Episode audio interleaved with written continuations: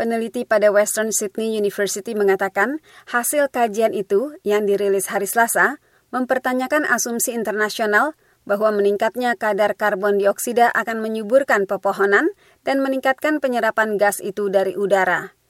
Tim Australia itu mengatakan kajiannya menunjukkan perkiraan global mengenai kemampuan penyimpanan karbon di hutan mungkin terlalu besar. Dalam lima tahun terakhir, pohon-pohon kayu putih di pinggiran Sydney mengalami konsentrasi tinggi karbon dioksida melalui serangkaian pipa yang tingginya 28 meter.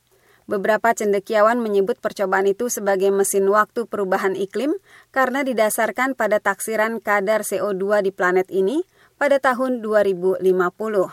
Hasilnya menunjukkan kualitas tanah yang buruk, khususnya karena kurangnya fosfor, nutrisi utama tanaman, menyebabkan pepohonan asli daerah itu tidak mampu menyerap lebih banyak gas tersebut.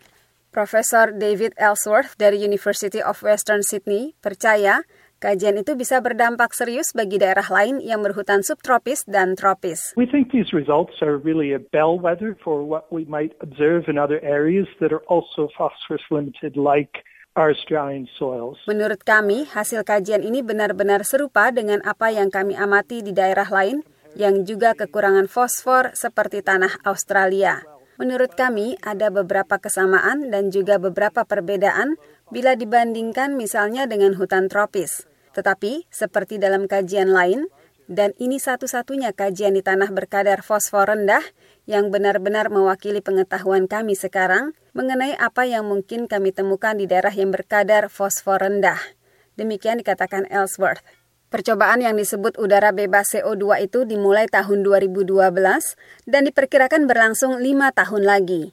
Ini merupakan kolaborasi antara enam universitas dan lembaga-lembaga lain di luar negeri. Kajian itu terbit dalam jurnal Nature Climate Change.